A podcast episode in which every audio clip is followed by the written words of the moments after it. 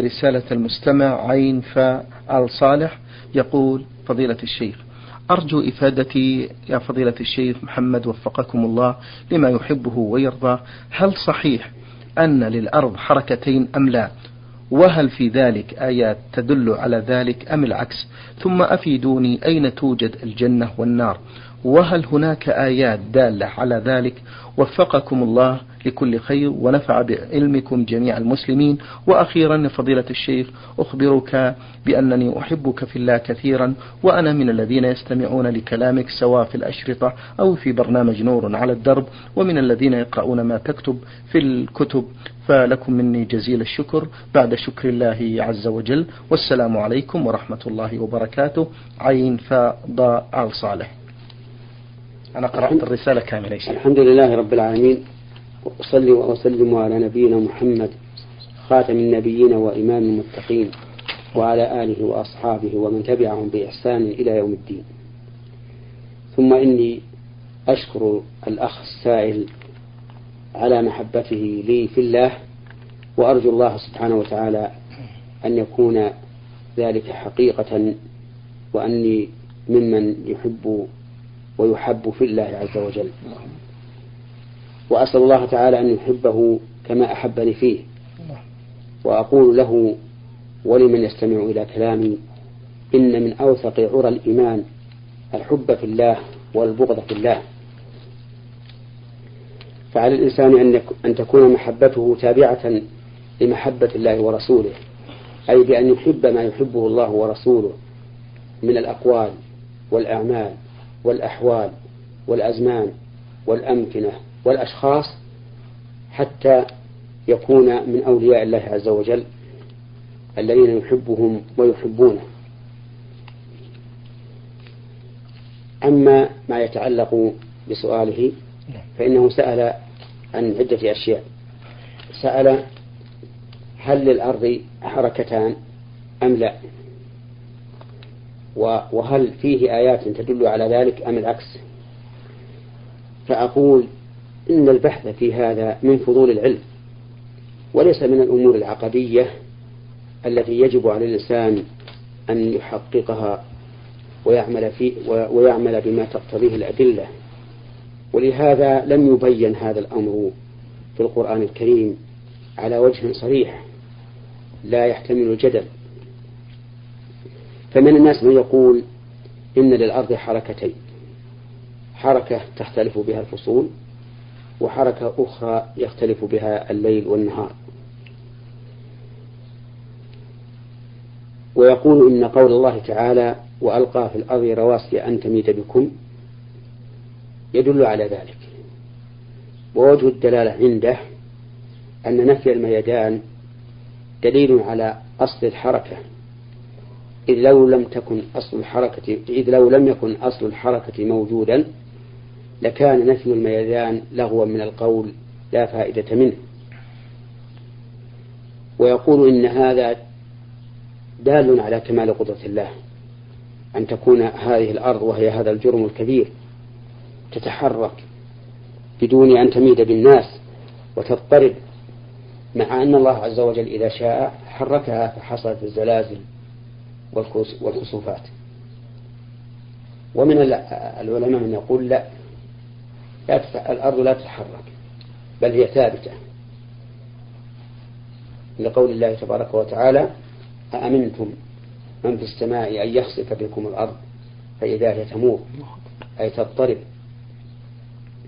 ولقوله تعالى الذي جعل لكم الأرض فراشا والسماء بناء.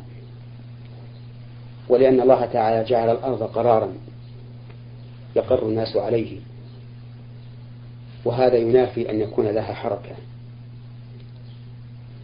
وأيا كان هذا أو هذا فإن إشغال النفس بمثل ذلك ليس ذا كبير. ليس ذا كبير فائدة. فيقال إن كانت تتحرك وهي في هذا القرار التام فهذا دليل على كمال قدرة الله عز وجل. سبحانه وإن كانت لا تتحرك فالله تعالى هو الذي آه، خلقها وجعلها ساكنة لا تتحرك. لكن الشيء الذي أرى أنه لا بد منه هو أن نعتقد بأن الشمس هي التي تدور على الأرض وهي التي يكون بها اختلاف الليل والنهار. لأن الله تعالى أضاف الطلوع والغروب إلى الشمس. فقال عز وجل وترى الشمس إذا طلعت تزاور عن كفهم ذات اليمين وإذا غربت تقرضهم ذات الشمال. فهذه أربعة أفعال أضيفت كلها إلى الشمس. إذا طلعت وإذا غربت تزاور تقرض. كلها أفعال أضيفت إلى الشمس والأصل أن الفعل لا لا يضاف إلا إلى فاعله أو من قام به. أي من قام به هذا الفعل. فلا يقال مات زيد ويراد مات عمرو. ولا يقال قام زيد ويراد قام عمرو. فإذا قال الله فإذا فإذا قال الله وترى الشمس إذا طلعت ليس المعنى أن الش... أن الأرض دارت حتى طلعت حتى رأينا الشمس. لأن لأن لو كانت الأرض هي التي هي التي تدور وطلوع الشمس يختلف باختلاف الدوران ما قيل إن الشمس طلعت بل يقال نحن طلعنا على الشمس أو الأرض طلعت على الشمس. وكذلك قال الله تبارك وتعالى في قصة سليمان إني أحببت حب الخير عن ذكر ربي حتى توارت أي الشمس بالحجاب. ولم يقل حتى توارى عنها بالحجاب. وقال النبي عليه الصلاة والسلام لأبي ذر عند غروب الشمس أتدري أين تذهب؟ قال الله ورسوله أعلم. قال فإنها تذهب فتسجد تحت العرش فأضاف الذهاب إلى الشمس. فظاهر القرآن والسنة أن اختلاف الليل والنهار يكون بدوران الشمس على الأرض. وهذا هو الذي يجب أن نعتقده. ما لم يوجد دليل حسي قاطع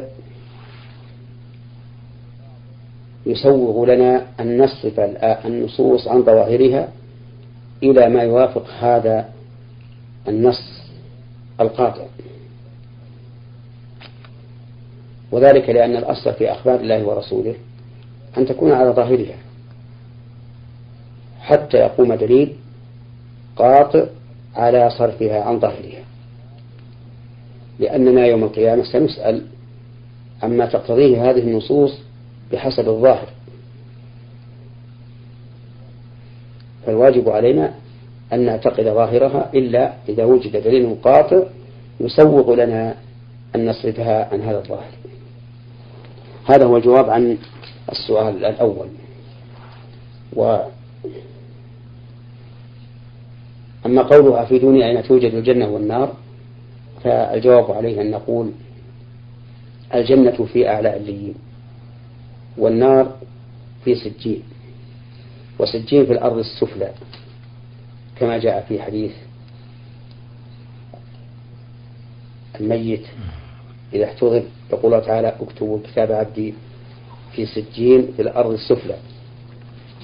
وأما الجنة فإنها في أعلى عليين وقد ثبت عن النبي عليه الصلاة والسلام أن عرش الرب جل وعلا هو سقف جنة الفردوس جعلنا الله تعالى من أهلها. اللهم نأخذ سؤال من أسئلته. سألني أحد الزملاء في العمل عن صحة الحديث هذا نصه عن رسول الله صلى الله عليه وسلم قال رجب شهر الله وشعبان شهري ورمضان شهر أمتي فما صحة هذا الحديث؟ جزاكم الله خيرا. هذا حديث لا يصح عن النبي صلى الله عليه وعلى آله وسلم.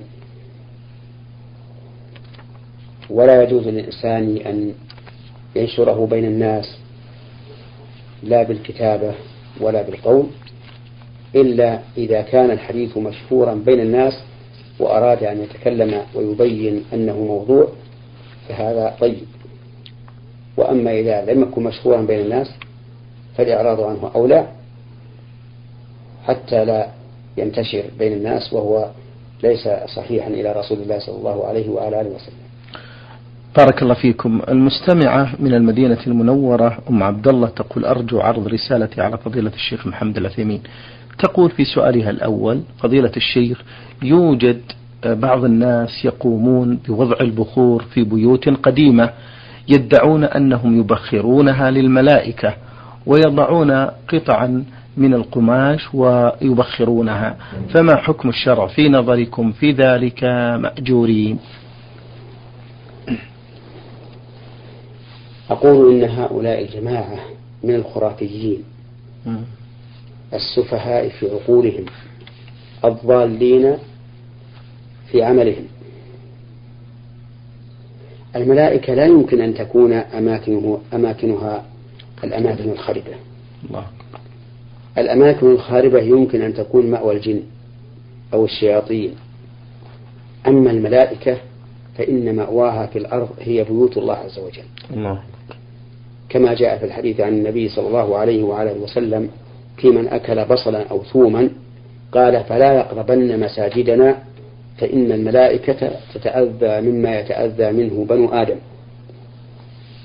فالطيبات للطيبين والطيبون للطيبات. وأضل من ذلك أن يبخروا هذه الأماكن وكذلك يجعلونها ثيابا. نعم. ويضعون قطعا من القماش. قطعا من القماش. ويبخرونها. فكل هذا ضلال في الدين وسفه في العقل والواجب على من علم بذلك أن ينكر على من فعله. ويبين ويبين له أن هذا خطأ عظيم. وأن الملائكة عليهم الصلاة والسلام أجل وأكرم عند الله من أن يجعل مأواهم هذه البيوت الخربة. بارك الله فيكم. تقول أم عبد الله من المدينة المنورة إذا رأيت إنسان في مصيبة أو بلاء أو بلاء أو في حزن فأنا أحزن لحزنه وأتألم لألمه فهل لي أجر في ذلك؟ جزاكم الله خيرا. هذا الذي ذكرته هذه السائلة أم عبد الله من مقتضيات الإيمان لأن المؤمن يألم لألم أخيه. ويحزن لحزنه ويسر لسروره ويفرح لفرحه. كما قال النبي عليه الصلاة والسلام مثل المؤمنين في توادهم وتراحمهم وتعاطفهم كمثل الجسد الواحد إذا اشتكى منه عضو تداعى له سائر الجسد بالحمى والسهر.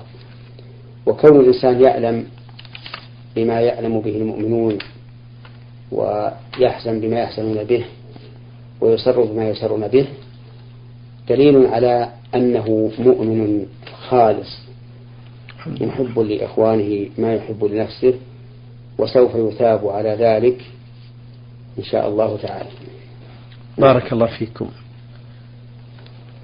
هذه رسالة وصلت من المس... من جي من تبوك. المستمع نون نون سين العنزي يقول فضيلة الشيخ ما حكم إظهار الأقدام في الصلاة للمرأة؟ ما حكم إظهار الأقدام في الصلاة بالنسبة للمرأة؟ اختلف العلماء رحمهم الله في جواز كشف الكفين والقدمين للمرأة في الصلاة.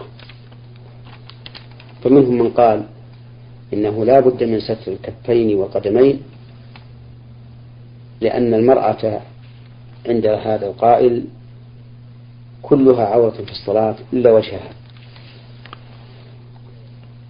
ومنهم من قال إنه يجوز للمرأة أن تكشف كفيها وقدميها في الصلاة كما يجوز لها كشف الوجه.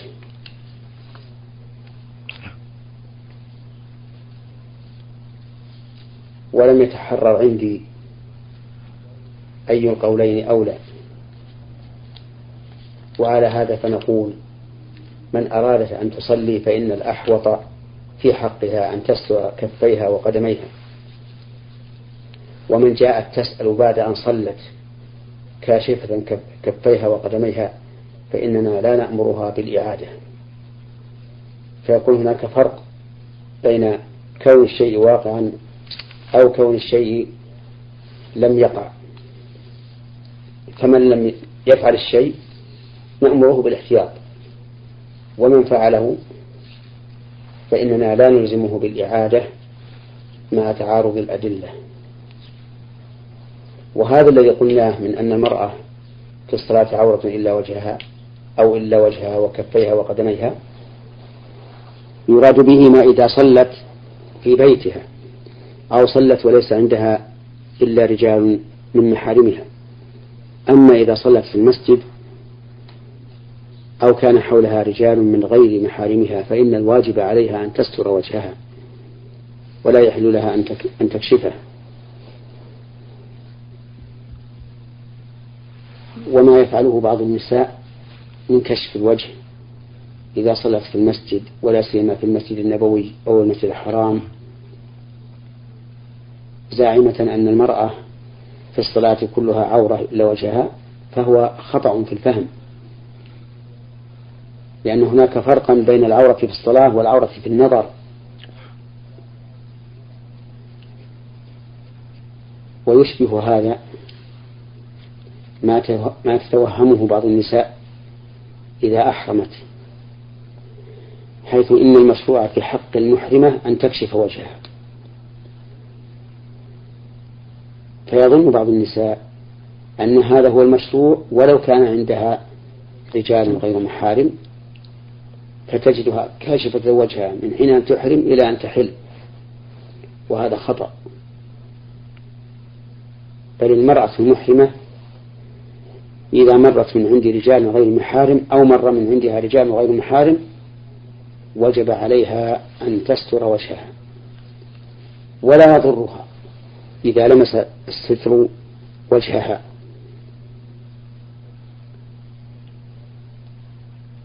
لأنه لا دليل على أنه يحرم أن يمس الوجه. نعم. بارك الله فيكم. إذا عطس الإنسان في الصلاة هل عليه أن يحمد الله؟ إذا عطس الإنسان في الصلاة وخارج الصلاة فحمد الله تعالى ليس بواجب عليه بل هو أفضل وأكمل. ولو لم يحمد الله لم يكن آثما بذلك. والحمد عند العطاس مشروع للإنسان في حال الصلاة وفي حال عدم الصلاة. إلا أنه إذا كان في الصلاة وخاف أن يشوش على من معه من المصلين فليسر بالحمد ولا يجهر به لأنه يخشى إذا جهر به أن يشوش على المصلين أو أن يستعجل أحد من الناس فيقول يرحمك الله. وإذا قال أحد لمن عطس فحمد الله يرحمك الله. والقائل يصلي فإن صلاته تبطل لأن الكاف للخطاب وقد قال النبي عليه الصلاة والسلام إنه لا يصلح يعني في الصلاة شيء من كلام الناس أو قال من كلام الآدميين. فلينتبه لذلك. وقد ثبت في الصحيح أن معاوية بن الحكم رضي الله عنه دخل في الصلاة فعطس رجل من القوم فقال الحمد لله. فقال له معاوية يرحمك الله. فرماه الناس بأبصارهم منتقدين إياه بهذا بهذه الكلمة. فقال واثكل أمياه فجعلوا يضربون على أفخاذهم يسكتونه فسكت. فلما انصرف النبي صلى الله عليه وعلى آله وسلم من الصلاة دعاه. قال معاوية فبأبي وأمي ما رأيت هو فبأبي وأمي هو ما رأيت معلما أحسن تعليما منه. اللهم صل وسلم. والله ما نهرني ولا كهرني. وإنما قال إن هذه الصلاة لا يصلح فيها شيء من كلام الناس إنما التسبيح والتحميد والتكبير وقراءة القرآن أو كما قال صلى الله عليه وسلم وهذا يدل على أن تشميت العاطس في الصلاة إذا حمد الله قد يقع من بعض المصلين إما جهلا وإما غفلة وحينئذ إذا خاف من ذلك فلا يجهر فلا يجهر بالحمد. بارك الله فيكم. السائلة هنا تقول شاهدت امرأة تطوف عليها قفازات فما الحكم في ذلك؟ تقصد في يديها. نعم. إذا شاهدت المرأة امرأة أخرى تطوف وعليها قفازات فلتسألها قبل أن تنكر عليها؟ ولتقل لها هل أنت محرمة؟ إذا قالت نعم فلتقل لها اخلع القفازات. لأن النبي صلى الله عليه وسلم قال في المحرمة لا تلبس القفازين. وإن قالت إنها غير محرمة وإنما هذا طواف التطوع فلا حرج عليها بلبس القفازين في طواف التطوع. هذه الس... وبهذه المناسبة تفضل.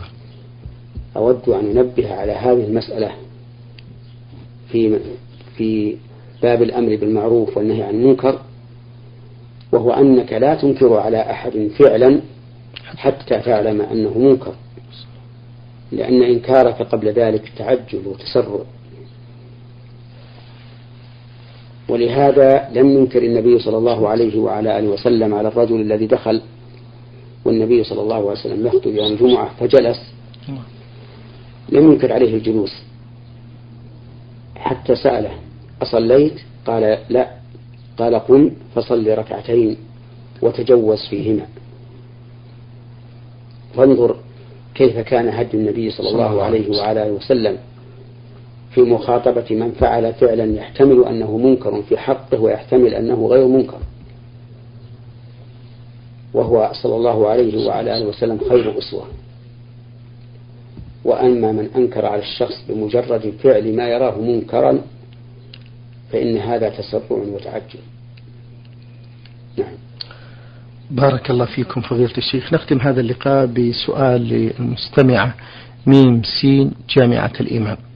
تقول هل يجوز لطلبة العلم الشرعي التغيب عن بعض المحاضرات بحجة الاستذكار للاختبار في مادة أخرى خاصة إذا كان الطالب آه، يقصر في البداية إذا بدأت الاختبارات أو الفصلية فيتغيب عن المحاضرات للمذاكرة.